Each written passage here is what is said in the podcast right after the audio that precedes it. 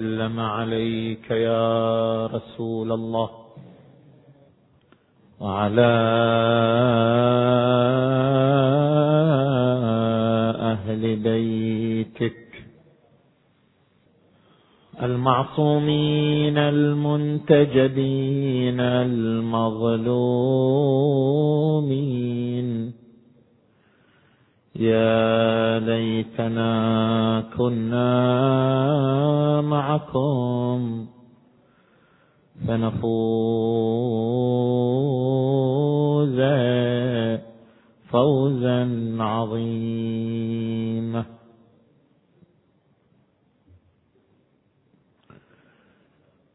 إن كان عندك عبرة تجريها فانزل لأرض الطف كي نسقيها.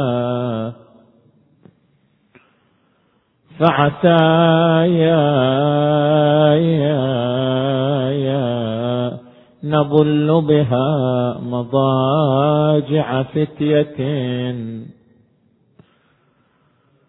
ما بلت الأكباد من جاريها.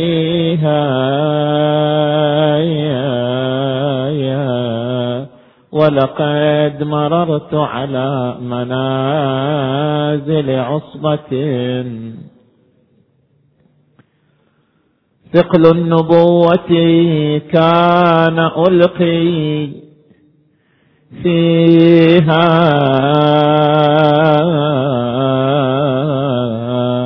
فبكيت حتى خلتها ستجيبني.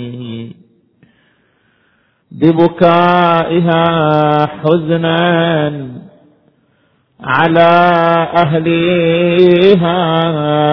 يا يا فذكرت إذ وقفت عقيلة حيدر مذهولة تصغي لصوتي أخيها. يا يا يا يا بأذلتي ورثت مصائب أمها. فغديت تقابلها يا بصبري أبيها يا يا يا يا. لم أنس إذ هتكوا خداها ثنثنت تشكو لواعجها إلى حنيها تدعو فتحترق القلوب كأنما ترمي حشاها جمرة من في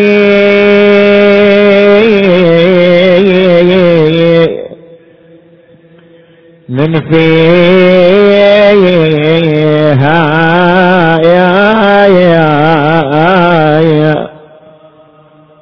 هذه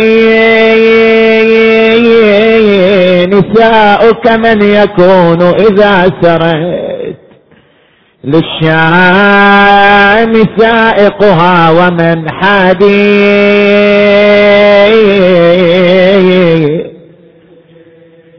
حديها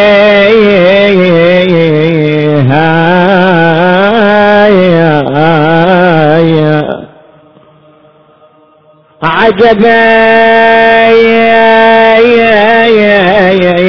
عجبا لها بالأمس أنت تصونها واليوم واليوم آل أمية إن تبدي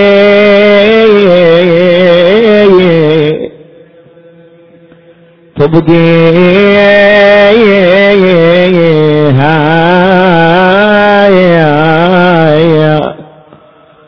أيسوقها يا يا يا أيسوقها زجر بضرب متونها.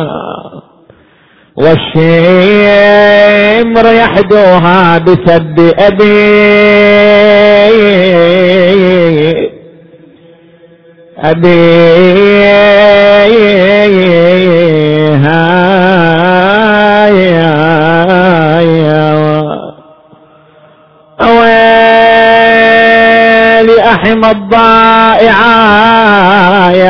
الضائعات بعدك ضعنا في يد النائبات حسرة بوادي.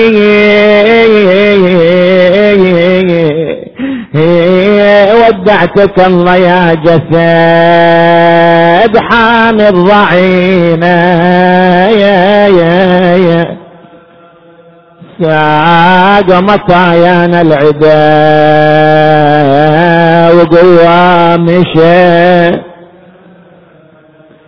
ودعتك الله يا طريحين ما احتضى عنك يا نور العين سافرت بيتاماي. يا مقطع الأوصال لا يحصل على هواي. ما فارقت جسمك يا سلطان المدينة. ودعتك الله الروح شالت ويا ليتك. أنا ما ظنت بهالحال اقشر نوصل الشام. حافظكم الله يا علي الاكبر وجسام يلي على المسنات ما تقوم ولا أنا. وداعة الله يا عرايا بحر الشموس صرعوا عليكم يا أخوتي خيل العدى الدوس أقعد وياكم لا أسافر وأتبع الروح بيتامكم شمر الخنايا قوى بضعونه. أعوذ بالله من الشيطان الغوي الرجيم.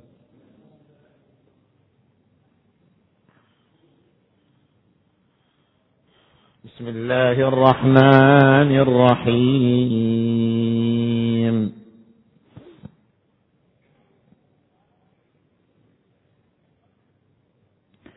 ونريد أن نمن على الذين استضعفوا في الأرض ونجعلهم أئمة ونجعلهم الوارثين.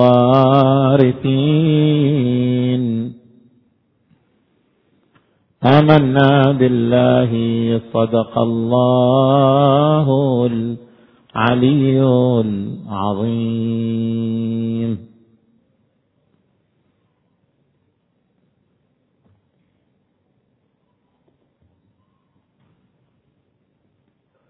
تحدثنا ليلة الثامن من شهر محرم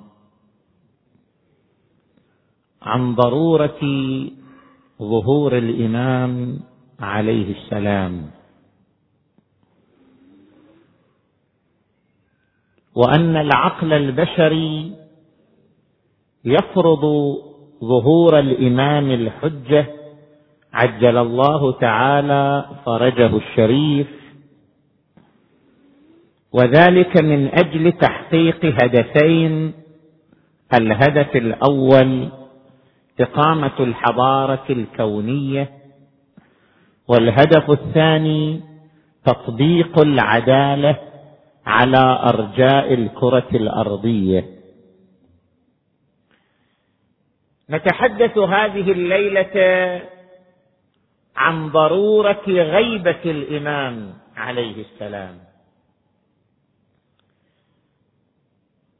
لماذا اختلفت حياة الإمام الحجة؟ عجل الله تعالى فرجه عن حياة بقية أهل البيت. لماذا لم تكن حياته على طبق حياة آبائه؟ يعني أن الله عز وجل يظهره آخر الزمان يولد آخر الزمان ويخرج ويقيم الحضارة الكونية أو العدالة الارضيه العامه لماذا الغيبة؟ لماذا يغيب؟ يعني لماذا كانت حياته هكذا؟ ولد قبل ألف ومئتين سنة مثلا ويعيش هذه الفترة الطويلة المسماة بالغيبة ثم يظهر آخر الزمان ويملأ الأرض قسطا وعدلا كما ملئت. ظلما وجورا كما ورد في الروايات. لماذا صار هذا؟ لماذا لم يظهره الله آخر الزمان؟ يعني يولد آخر الزمان وبعدين يطلع لماذا هذه الغيبة؟ ما هي ضرورة الغيبة؟ لماذا غاب الفترة الطويلة ولم يجعل الله عمره كعمر آبائه؟ بمعنى أنه يولد آخر الزمان ثم يظهر بدولته العادلة. نتحدث عن ضرورة الغيبه هذه الليلة. هناك برهانان لضرورة الغيبه البرهان الأول البرهان العام الذي لا يرتبط بالشيعة المؤمنين بخصائص الأئمة عليهم السلام. وهناك جواب خاص يرتبط بالشيعة المؤمنين بخصائص أهل البيت صلوات الله وسلامه عليهم أجمعين. نتحدث اولا عن البرهان العام. ما هو البرهان على ضرورة غيبة الإمام؟ يعني ما هو البرهان على ضرورة أن يعيش الإمام هذا العمر الطويل كي يتمكن من تحقيق العدالة التامة من تحقيق دولته العامة. ما هو البرهان على ذلك؟ هنا نطرح ثلاثة أسئلة. التفتوا إلي جيدا. السؤال الأول ما معنى التكامل اليقيني؟ السؤال الثاني هل الإمام خاضع للتكامل اليقيني أم لا؟ السؤال الثالث ما هو الربط بين التكامل اليقيني وبين الغيبه نجي الآن نجيب عن كل سؤال من هذه الأسئلة الثلاثة. السؤال الأول ما معنى التكامل اليقيني؟ التكامل اليقيني الفلاسفة يقسمون اليقين إلى ثلاثة أقسام علم اليقين وعين اليقين وحق اليقين. أشرح لك بالمثال. يعني الآن أنت مثلا إذا رأيت الدخان بمجرد أن ترى الدخان تتيقن ماذا؟ بوجود النار. لولا وجود نار لما وجد دخان تستدل على المؤثر بأثره. اليقين بوجود النار نتيجة رؤية الدخان هو أول درجة من درجات اليقين وهذا يسمى بعلم اليقين. انت بعدين مشيت وراء الدخان إلى أن وصلت إلى منطقة النار ورأيت النار بعينيك. ألم يزداد يقينك؟ ازداد درجة اليقين. كنت تتيقن بوجود النار نتيجة رؤية الدخان. الآن أنت تتيقن بوجود النار نتيجة رؤية النار بنفسها. فدرجة اليقين تكاملت. ازدادت. تحولت من علم اليقين إلى عين اليقين. صارت عندك درجة أخرى من اليقين. لو أن شخصا أسقطك في النار سقطت في وسط النار. وانصهرت بالحرارة النارية بحيث صارت الحرارة النارية في تمام جسدك. ألا يزداد درجة يقينك؟ كنت تتيقن بالنار عن طريق الرؤية؟ الآن صرت تتيقن بالنار عن طريق الملامسة عن طريق أنك انصهرت بالنار فدرجة اليقين تكاملت إلى أن وصلت إلى أعلى درجة وهي ما نسميها بحق اليقين. بعد ما في درجة أعلى من هذه الدرجة. وهذا ما يذكره القرآن الكريم كلا لو تعلمون علم اليقين لترون الجحيم هذه درجة من رؤية النار درجة من اليقين بالنار. ثم لترونها عين اليقين يعني درجة أخرى.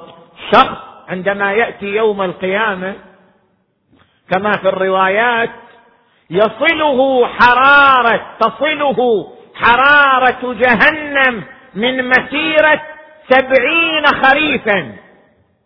حرارة جهنم تصل إلى الإنسان. إذا جاء يوم القيامة. هذا نوع من اليقين. إذا أحس بحرارة النار تيقن بماذا؟ بوجودها. فإذا رآها أمامه ازداد يقينه. فإذا ألقي فيها ازداد يقينه. إلى أن يصل إلى درجة حق اليقين. كلا لو تعلمون علم اليقين لترون الجحيم ثم لترونها عين اليقين. فعدنا اليقين. تكامل اليقين يعني شنو؟ تكامل اليقين يعني أن الإنسان ينطلق من درجة إلى درجة أخرى من درجات اليقين. نجي الآن حتى أصور لك الموضوع بشكل أوضح. نجي الآن مثلا إلى الرسول محمد.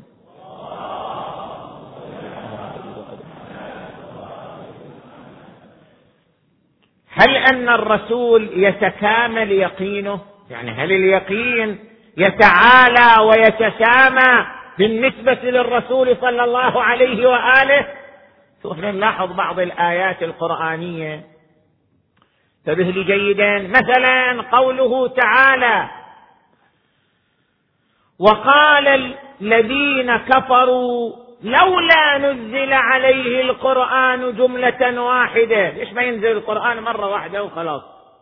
لولا نزل عليه القرآن جملة واحدة كذلك لنثبت به فؤادك. إيش معنى لنثبت به فؤادك؟ يعني الرسول كان شاك كان يعيش حالة شك كان يعيش حالة ارتياب. إيش معنى كذلك لنثبت به فؤادك؟ مقصود كذلك لنثبت به فؤادك يعني أن تصل إلى أسمى درجات اليقين ألا وهي درجة حق اليقين. كانت كان له يقين من أول الأمر هو متيقن متيقن بمعارف القرآن وبعلوم القرآن.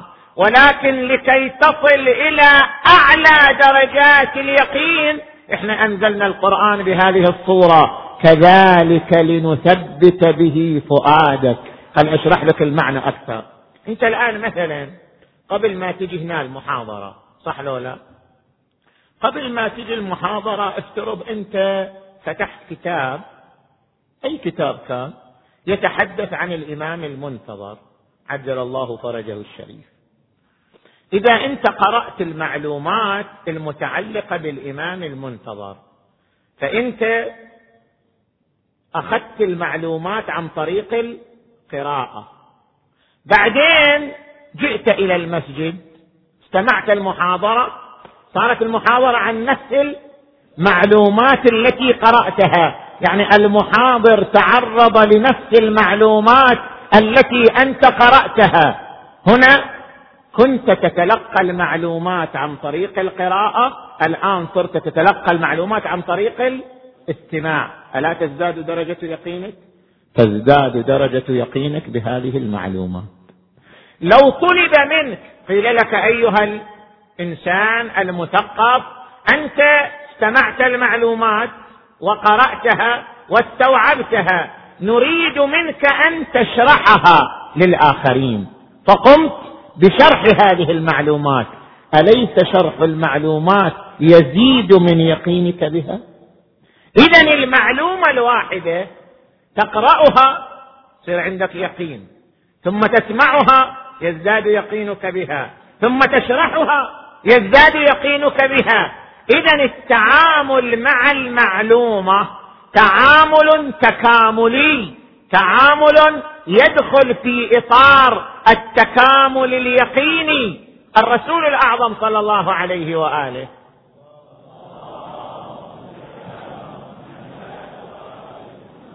كان مطلعا وعالما بجميع معارف القرآن وجميع علوم القرآن قبل نزول القرآن عليه اذا هو كان مطلع عن مطلع وعالم بمعارف القرآن عن طريق الإلهام. ثم نزل عليه جبرائيل عليه السلام وأسمعه هذه المعارف والعلوم. فصار تعامل مع المعلومة بشكل ثاني وهو السماع. كان يعرفها عن طريق الإلهام.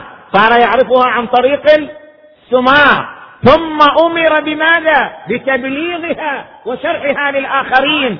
قيامه بتبليغها وشرحها للآخرين أوجب وصوله إلى أعلى وأسمى درجات اليقين بهذه المعلومة. وقال الذين كفروا لولا نزل عليه القرآن جملة واحدة كذلك لنثبت به فؤادك يعني أعلى درجات اليقين أسمى درجات اليقين. اذا التكامل اليقيني هو عبارة عن الانتقال من درجة إلى درجة أخرى من درجات اليقين. نجي الآن إلى السؤال الثاني. هل الإمام خاضع للتكامل اليقيني يعني هل الإمام فعلا ينتقل من درجة من اليقين إلى درجة أخرى؟ أو لا الإمام من أول يوم هو في أعلى درجات اليقين بعد ما يعيش حال التكامل اليقيني. هل أوضح لك الموضوع أكثر. صاحب البحار الشيخ المجلسي عليه الرحمة في الجزء الثالث والعشرين الباب الثالث من أبواب جهات علومهم صلوات الله وسلامه عليهم يذكر هناك معتبرة أبي بصير عن الإمام الصادق عليه السلام يقول إنا لنزداد كل جمعة. يعني كل جمعة إحنا نخضع لعملية ازدياد وتكامل. ولولا أنا نزاد لنفد ما عندنا. إذن الإمام يذكر في هذه الرواية أن هناك حالة صعود وحالة تكامل يمر بها الإمام عليه السلام. ولولا أنا نزاد لنفد ما عندنا. شنو معنى نزاد؟ يعني كان جاهل وصار عالم؟ لا هو عالم من أول الأمر. ما كان جاهل ثم أصبح عالما. لماذا؟ لو كان جاهل لما صار إماما. أليس كذلك؟ الإمام يجب أن يكون أعلم من غيره. أعلم الناس. تمام لو لا؟ مقتضى الإمامة أن يكون الإمام أعلم الخلق. وإلا لو لم يكن أعلم الخلق لكان تقديمه على الناس من باب تقديم المفضول على الفاضل وتقديم المفضول على الفاضل قبيح لا يصدر من الله عز وجل. الله عندما يجعل الحسن إمام أو الحسين إمام يعني هو أعلم الناس وإلا لما جعله إماما. جعل الشخص إماما من دون أن يكون أعلم الناس تقديم للمفضول على الفاضل وتقديم المفضول على الفاضل قبيح. اذا الإمام هو من أول الأمر أعلم الناس. فهو ما كان جاهل بشيء وصار الآن عالما به لا هو أعلم الناس من أول الأمر. اذا التكامل ليس عبارة عن معلومة لم يكن يعلمها صار الآن عالما بها. التكامل في درجة اليقين للمعلومة يزدادون في درجة اليقين. يتكاملون في درجات اليقين وفي مراتب اليقين إلى أن يصل إلى أسمى درجات اليقين. هل أوضح لك الأمر بالمثال أكثر؟ الآن مثلا أنت تقرأ قوله تعالى هذه من الآيات اللي آه، إخواننا أهل السنة يشكلون علينا بها شو تقولوا في هذه الآية؟ مثلا قوله تعالى وكذلك أوحينا إليك خطاب للنبي وكذلك أوحينا إليك روحا من أمرنا. ما كنت تدري ما الكتاب ولا الإيمان. يعني الرسول قبل ما ينزل الروح عليه ما كان يدري حتى الإيمان شنو؟ يعني إلى هذا المقدار. وكذلك أوحينا إليك روحا من أمرنا. ما كنت تدري ما الكتاب ولا الإيمان. ولكن جعلناه نورا نهدي به من نشاء من عبادنا. إيش معنى الرسول ما كان يدري شنو الإيمان؟ شلون إذا كان يصلي وكان يتعبد في غار حراء وكان على ملة إبراهيم الخليل كما تقول روايات أهل السنة. إذا شلون إذا القرآن يقول ما كنت تدري ما الكتاب ولا الإيمان؟ كل شيء ما تدري أنت. شلون هذه الآية؟ ما هو الجواب عن هذه الآية؟ هل المراد بها أن الرسول كان جاهلا فصار عالما؟ الرسول لم يكن مؤمنا فصار مؤمنا؟ هل المراد بها هذا أم ماذا؟ لو كان المراد بها هذا لكان مناقض للآيات القرآنية الأخرى. عندنا آيات تثبت أن الرسول كان عالما بالقرآن قبل نزوله. الرسول كان عالما بالقرآن قبل أن ينزل عليه القرآن مطلع على جميع معلومات القرآن تفصيلا قبل نزول القرآن عليه. كيف؟ مثلا قوله تعالى ولا تعجل بالقرآن من قبل أن يقضى إليك وحيه. قبل أن ينزل الوحي أنت لا تبلغ أحد بالقرآن. ولا تعجل بالقرآن من قبل أن يقضى إليك وحيه. هذا معناه أنه كان عارف بالقرآن. لو لم يكن عارفا بالقرآن لما أمر أن لا يبلغ القرآن حتى ينزل عليه الوحي من السماء. أيضا اقرأ قوله تعالى في آية أخرى لا تحرك به لسانك لتعجل به. إن علينا جمعه وقرآنه فإذا قراناه فاتبع قرآنه. هذه الآية شنو معناها؟ معناها أن الرسول كان مطلع على معلومات القرآن ولكن تقسيم القرآن إلى سور إلى آيات هذا الأمر نزل به جبرائيل عليه السلام. وإلا فجميع معلومات القرآن كانت عند النبي صلى الله عليه وآله. لكن هذه المعلومات تحولها إلى آيات وإلى سور. هذا هو الذي نزل به جبرائيل عليه السلام. وهذا معنى إن علينا جمعه وقرآنه. فإذا قرأناه فاتبع قرآنه ثم إن علينا بيانه. اذا إذا كان الرسول عالم بالقرآن من قبل أن ينزل كيف هذه الآية تقول؟ وكذلك أوحينا إليك روحا من أمرنا. ما كنت؟ تدري ما الكتاب ولا الإيمان. شنو معنى هذه الآية؟ معنى هذه الآية هو التكامل اليقيني كان على درجة من اليقين بالقرآن وبنزول القرآن تكاملت درجة اليقين.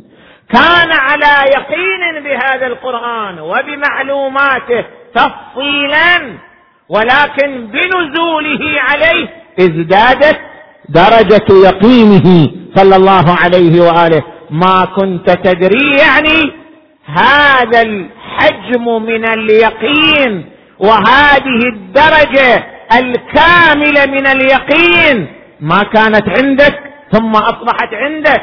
وإلا فأنت على علم بالقرآن من قبل أن ينزل. وهذا ما يؤكده الحديث الوارد عن النبي محمد.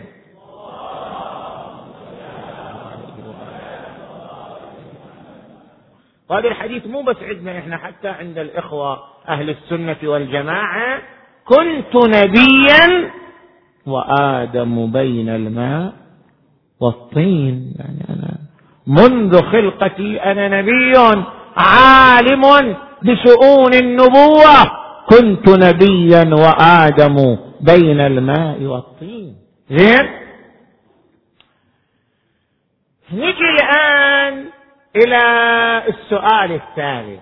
السؤال الثالث ما هو الربط بين تكامل درجة اليقين وبين الغيبه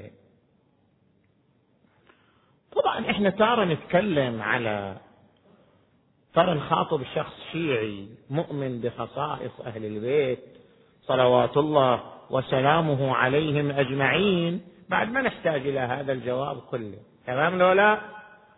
إذا كان المخاطب شخصا شيعيا هو الشيعي يقول أنا ما أحتاج لهذا الكلام كله.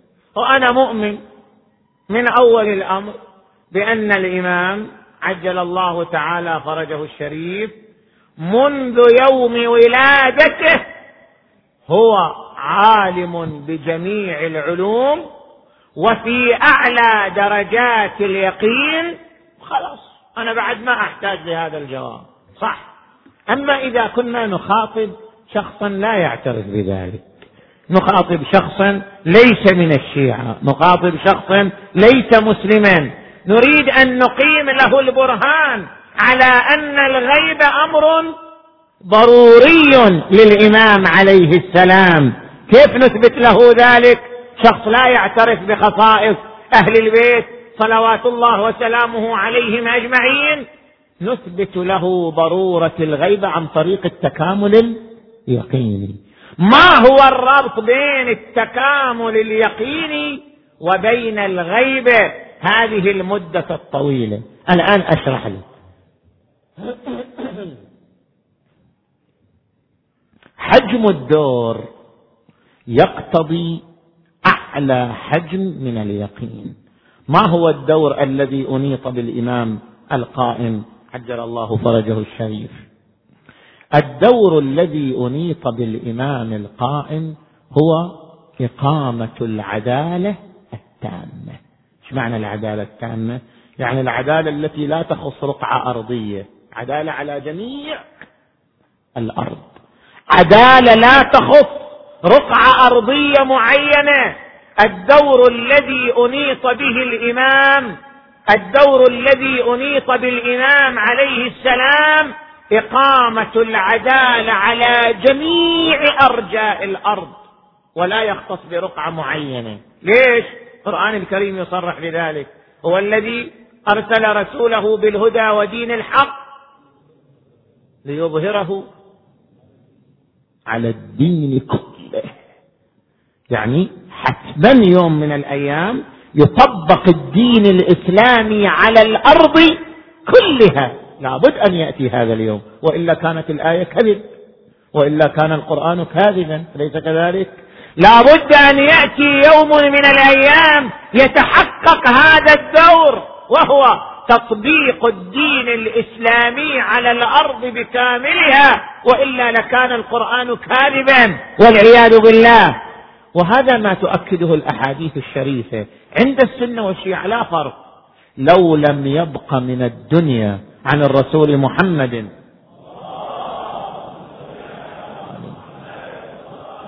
لو لم يبق من الدنيا إلا يوم لبعث الله رجلا من أهل بيتي اسمه اسمي يملأ الأرض.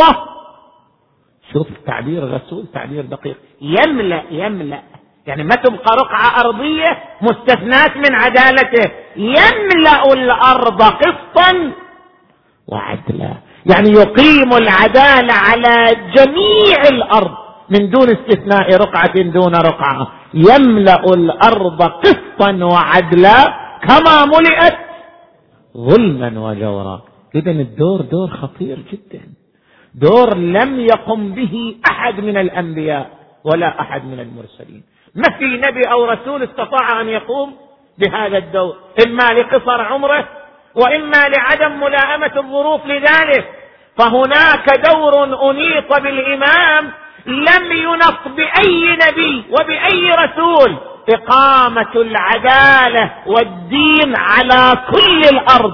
يملأ الأرض قسطا وعدلا كما ملئت ظلما وجورا.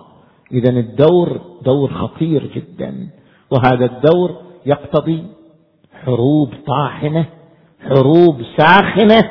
هذا الدور يقتضي عملية تطهير وعملية إزالة تستغرق آلاف الطاقات وآلاف الإمكانيات وآلاف الاستعدادات في سبيل أن تحصل عملية التطهير. وبالتالي بما أن الدور عظيم جدا ولم يقم به بشر إلى الآن ولم يستطع بشر إلى الآن أن يطبق الدين على وجه الأرض كلها. حجم الدور يقتضي حجما من اليقين يتناسب مع الدور. حجم الدور يقتضي حجما من اليقين ينسجم مع هذا الدور ودرجة من اليقين تنسجم مع هذا الدور. كلما كان الدور عظيما كان اليقين عظيما. كلما كان الدور أكبر كان اليقين أكبر. كلما كبر الدور توقف على يقين أكبر ودرجة من الإرادة والصمود والشموخ تتناسب مع مستوى الدور وتتناسب مع حجم الدور. لذلك نقول بأن الدور الذي أنيط بالإمام عجل الله تعالى فرجه الشريف يحتاج إلى تكامل يقيني. يعني يحتاج أن يكون الإمام في أعلى درجات اليقين والشموخ والإرادة كي ينسجم مع هذا الدور العظيم. كيف يتم ذلك؟ يعني كيف يتم التكامل اليقيني؟ طبعا إذا إحنا نتحدث مع الشيعة المؤمنين بالإعجاز ما يحتاج العمر الطويل. هو من أول يوم يعطى التكامل اليقيني وخلصت القضية. أما إذا كنا نتكلم مع الآخرين نقول لهم لا حتى يصل الإمام إلى درجة التكامل اليقيني حتى يصل الإمام إلى أعلى درجات اليقين بحيث يكون معدا إلى القيام بهذا الدور الخطير. لا بد أن يمر بهذا العمر الطويل. فالعمر الطويل ضروري من أجل الوصول إلى أعلى درجات اليقين. الآن مثلا إنسان يعاصر عدة حضارات يعاصر عدة مجتمعات يعاصر عدة دول. يعيش حضارات مختلفة تسقط حضارة وتقوم حضارة بعدها.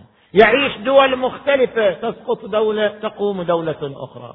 يعيش مجتمعات مختلفة من عاش مختلف الحضارات وجرب كل الأنظمة وجرب كل المجتمعات تزداد درجة يقينه بدوره المنوط به كي تصل إلى أعلى وأسمى درجات اليقين. اذا ضرورة الغيبة. الغيبة ضرورية.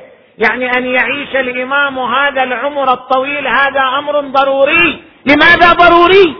من أجل التكامل اليقيني. فإن التكامل اليقيني يتوقف على معاصرة الحضارات المختلفة والعلوم المختلفة والمجتمعات المختلفة كي يحصل لمن عاصرها أعلى درجات اليقين.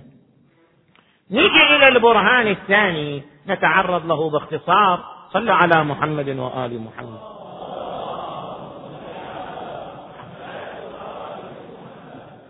البرهان الثاني طبعا برهان خاص.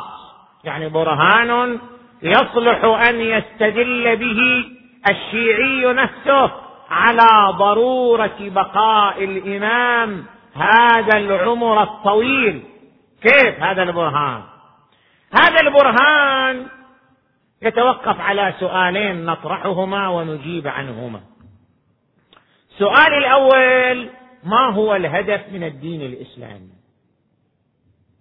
والسؤال الثاني ما هي الأمور التي يتوقف عليها تحقيق الهدف من الدين الإسلامي.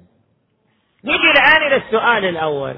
لو واحد سأل شنو الهدف من الدين؟ أنت الآن مسلم تؤمن بالدين. ما هو الهدف من الدين الإسلامي؟ طبعا طبيعي الهدف من الدين هو تطبيقه على الأرض كلها لأن الدين الإسلامي هو قانون العدالة. الدين الإسلامي هو الدين الحافظ للعدالة فالهدف من تشريع الدين الإسلامي تطبيقه على الأرض كلها. ولذلك الآية المباركة قالت هو الذي أرسل رسوله بالهدى ودين الحق ليش؟ ما هو الهدف؟ ليظهره على الدين كله. وإلا لكان تشريع الدين لغوا واللغو لا يصدر من الحكيم تبارك وتعالى. وهذا ما أكدته الآيات القرآنية الأخرى. ونريد أن نمن على الذين استضعفوا في الأرض ونجعلهم أئمة ونجعلهم الوارثين. وعد الله الذين آمنوا وعملوا الصالحات ليستخلفنهم في الأرض وليمكنن لهم دينهم الذي ارتضى لهم وليبدلنهم من بعد خوفهم. أمنا يعبدونني. لا يشركون بي شيئا. اذا الهدف من الدين تطبيقه على الأرض كلها. نيجي للسؤال الثاني. كيف نطبق الدين على الأرض كلها؟ كيف؟ كيف؟ ما هي الأمور التي يتوقف عليها تطبيق الدين على الأرض كلها؟ هناك أمران. الأمر الأول وجود الأرضية لابد أن تكون هناك أرضية بشرية تستقبل تطبيق الدين على الأرض كلها. كيف نحقق هذه الأرضية البشرية؟ هناك عاملان. العامل الأول هو التجربة. ترى البشر رايح يجي للإسلام. شئنا أم أبينا؟ البشر جاي جاي. جاي نحو الإسلام. لا تخاف. زين؟ البشر الآن الدعايات في أمريكا في أوروبا الإسلام دين إرهابي والمسلمون إرهابيون. ما يخصك؟ حتما سيأتي نفس هؤلاء للإسلام مرة أخرى بحكم التجربة. كيف بحكم التجربة؟ يعني البشرية ستجرب مختلف الأنظمة. أهم شيء لدى البشرية هو الاقتصاد. أهم شيء لدى المجتمعات هو الاقتصاد. لا تقوم حضارة إلا على أساس اقتصادي وستجرب البشرية مختلف الأنظمة الاقتصادية. جربت النظام الشيوعي النظام الاشتراكي الآن هي تجرب النظام الرأسمالي. ستجرب البشرية مختلف الأنظمة الاقتصادية. كلما طبقت الأنظمة ازداد الفقر في العالم. تقعد تشوف لولا مع هذه التطبيقات مع هذا النظام مع هذا النظام الاقتصادي الرأسمالي المهيمن على العالم الآن. مع ذلك حالة الفقر تزداد. تزداد انتشارا في هذا العالم. وتزداد اتساعا في هذا العالم. ثق بالله! سيقف العالم يوم من الأيام. على ألوان من الفقر لا حل لها. وعلى ألوان من المجاعة لا حل لها. وعلى ألوان من الفشل في تطبيق النظام الاقتصادي لا حل لها.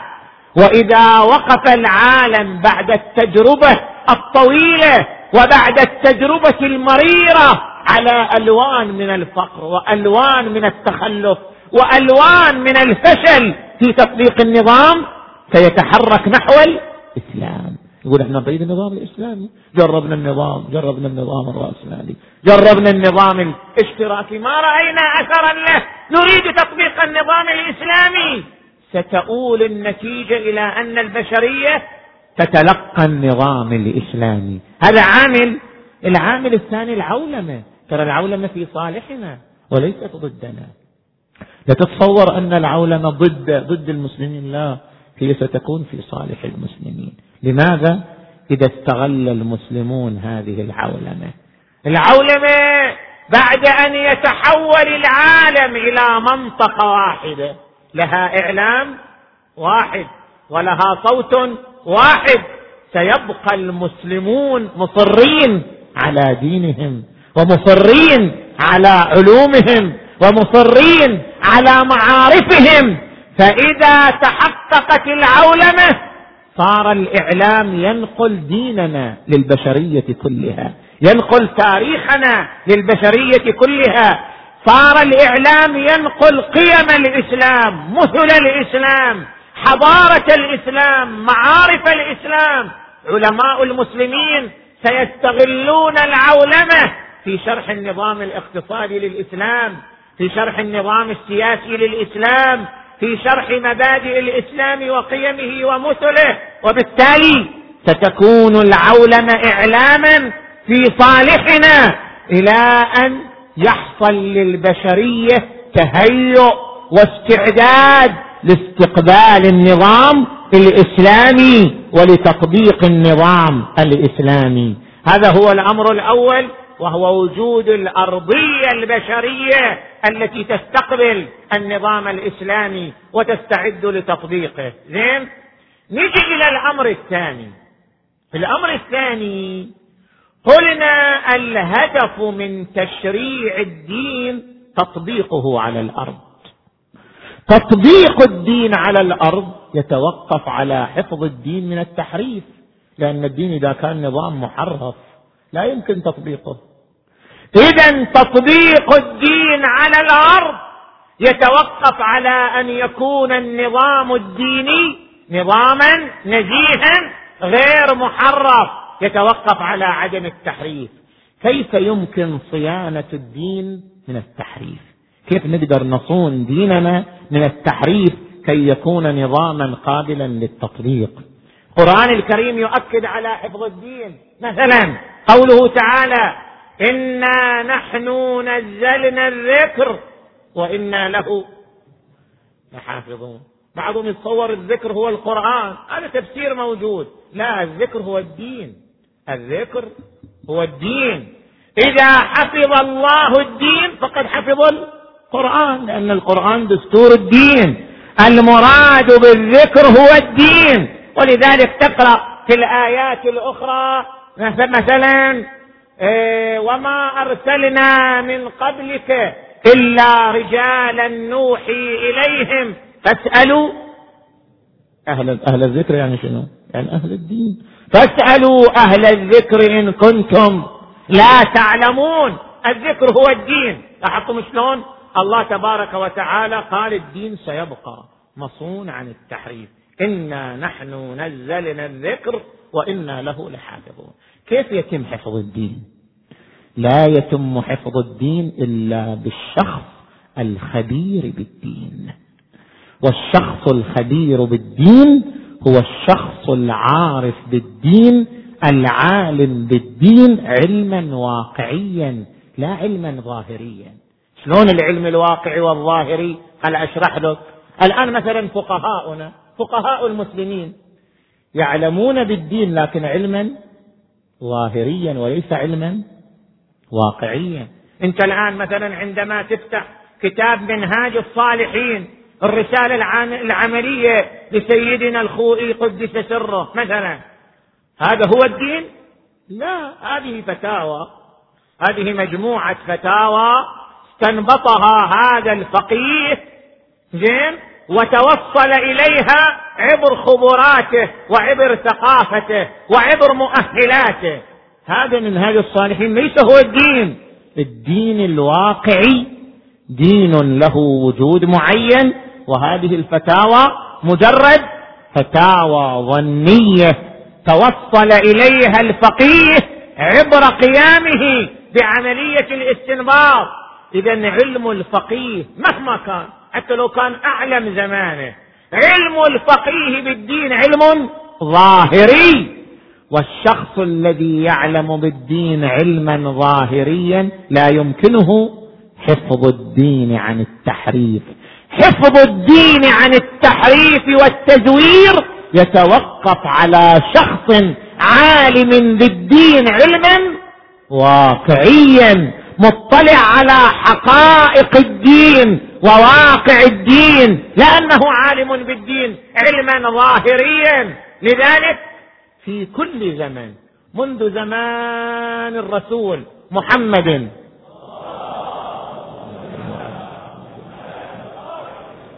إلى يومنا هذا لا يمر زمن إلا ويوجد شخص عالم بالدين علما واقعيا لأنه هو المسؤول عن حفظ الدين. ولذلك تقرأ في الأحاديث الشريفة لولا الحجة لساخت الأرض بأهلها. ما معنى لولا الحجة لساخت الأرض بأهلها؟ يعني لولا وجود الشخص العالم بالدين علما واقعيا لانتهى الدين وتعرض للتحريف والتزوير. مثلا من الأحاديث ما ورد عن الإمام أمير المؤمنين عليه السلام لا بد لله من حجة الأرض لا تخلو. لا بد لله من حجة إما ظاهرا مشهورا أو خائفا مغمورا المهم هناك حجة وظيفته حفظ الدين عن التحريف. وهذا هو معنى حديث الثقلين. ترى حديث الثقلين مو حديث اختص به الشيعة الإمامية لا. أحمد بن حنبل ذكر حديث الثقلين الحاكم في مستدركه ذكر حديث الثقلين. إني مخلف فيكم الثقلين. كتاب الله وعترتي أهل بيتي.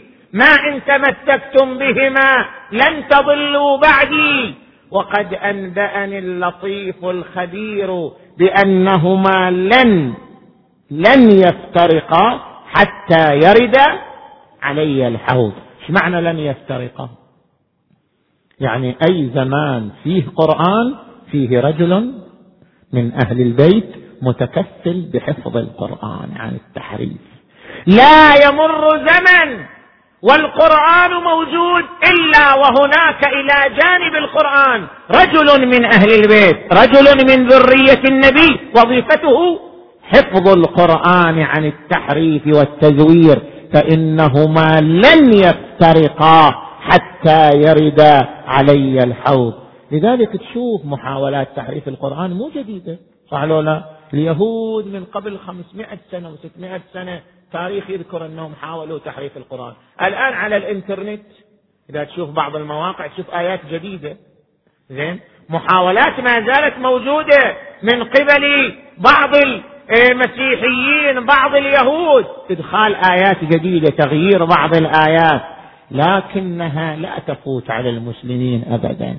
أي محاولة؟ تنكشف سريعا ويتنبه المسلمون لها ويقفون أمامها بحزم. اذا الهدف من وجود الدين تطبيقه على الأرض. وتطبيقه على الأرض يتوقف على حفظه من التحريف. وحفظه من التحريف يتوقف على وجود شخص عالم بالدين علما واقعيا وهو المسؤول عن حفظه من التحريف كما نص عليه حديث الثقلين فإنهما لن يفترقا حتى يردا علي الحوض. والشخص الذي يحفظ الدين عن التحريف هذه المدة الطويلة وهذا العمر الطويل هو المهدي المنتظر لذكره وذكر آبائه الصلوات.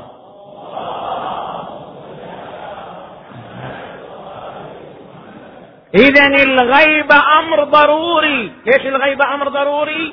لأجل حفظ الدين من التحريف. وحفظ الدين من التحريف يتوقف على وجود الإمام هذا العمر الطويل وهو ببركاته وبفيوضاته وبقيامه بمسؤولياته التي لا يدركها إلا الشخص القريب منه. من كان قريبا منه عجل الله فرجه الشريف.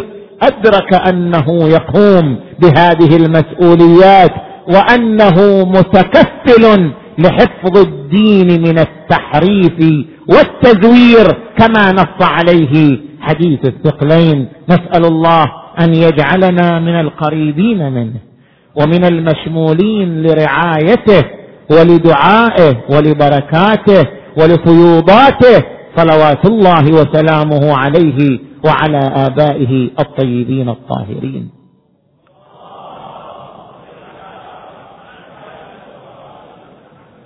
والبشرية كلها تتجه يوم بعد يوم إلى الإمام المنتظر. يوم بعد يوم البشرية تتجه للإمام المنتظر. عجل الله تعالى فرجه الشريف. الله يا حامي الشريعة. أتقر وهي كذا؟ مروعة. كم ذا القعود ودينكم؟ سيد حيدر الحلي زين أبرز شعراء أبرز الشعراء الحسينيين. سيد حيدر الحلي يقول كم ذا القعود ودينكم هدمت؟ قواعده الرفيعة. تنعى الفروع أصوله وأصوله تنعى. فروعه كالسيف إن به شفاء قلوب شيعتك الوجيعه ثم يقول سيدي ماذا يهيجك إن صبرت؟ صبرت لماذا؟ ماذا يهيجك إن صبرت؟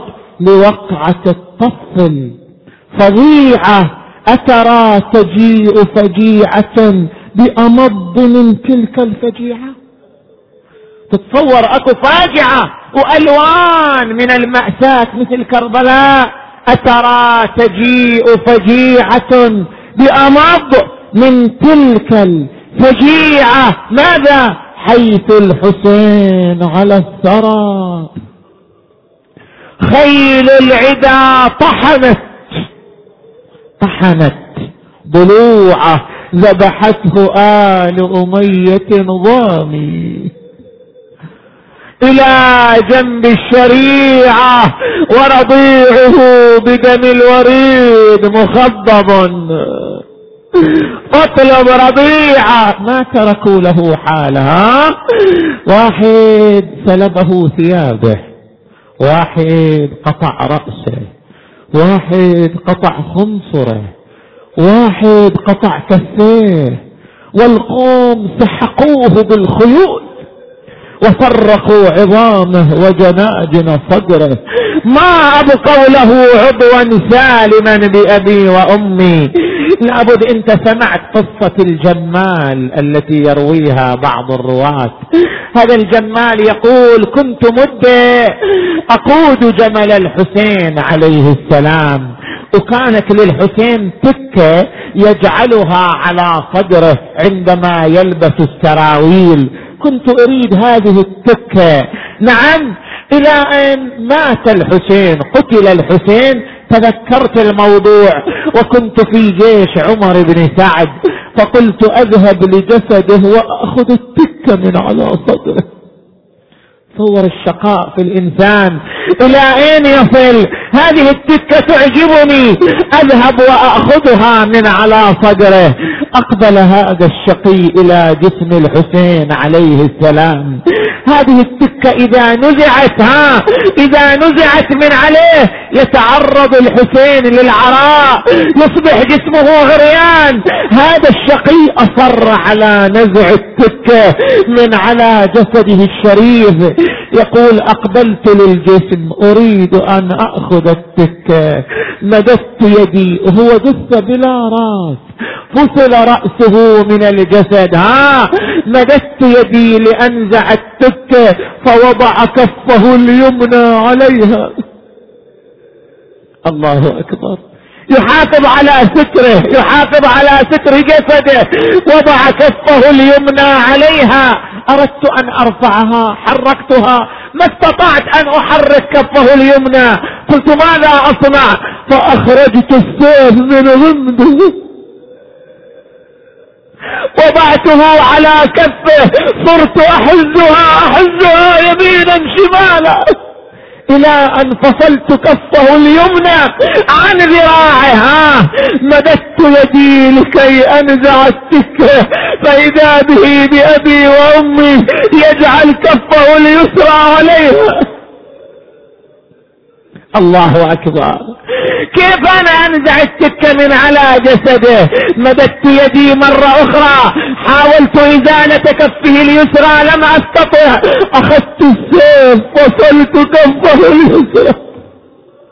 عن ذراعه لما أردت أن أنزع السكة وإذا بالإمام ينكمش برجليه. على سكته. الله أكبر. وإذا الأرض تتزلزل من تحت رجلي والسماء تمطر دما عبيطا. تعجبت من هذا المنظر كله. استلقيت على ظهري وأخذني النوم خوفا وفزعا. بينما أنا نائم وإذا أرى في المنام نزلت مجموعة نسوة من السماء.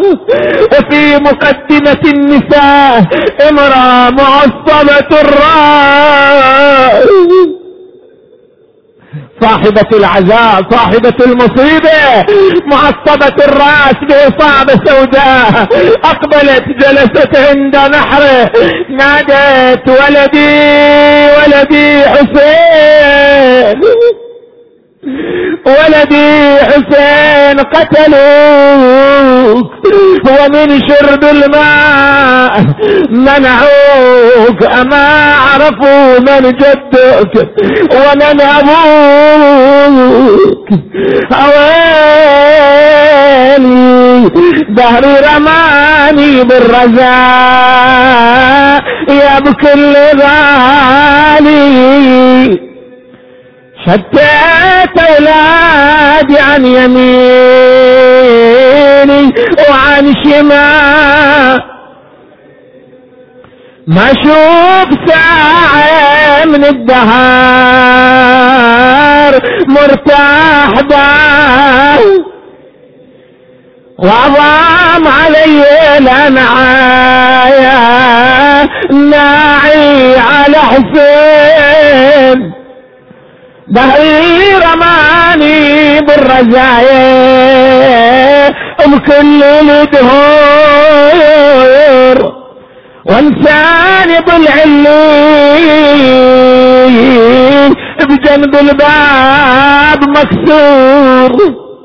وعظام على قلبي. فجيعة يوم عاش. كل البكاء والناح والصاحة على حسين. أويلي أويلي لو انحاضر يا حسين يمك يمك. أنا رجال بفادي لضمك. إيه والله أنا رجال بفادي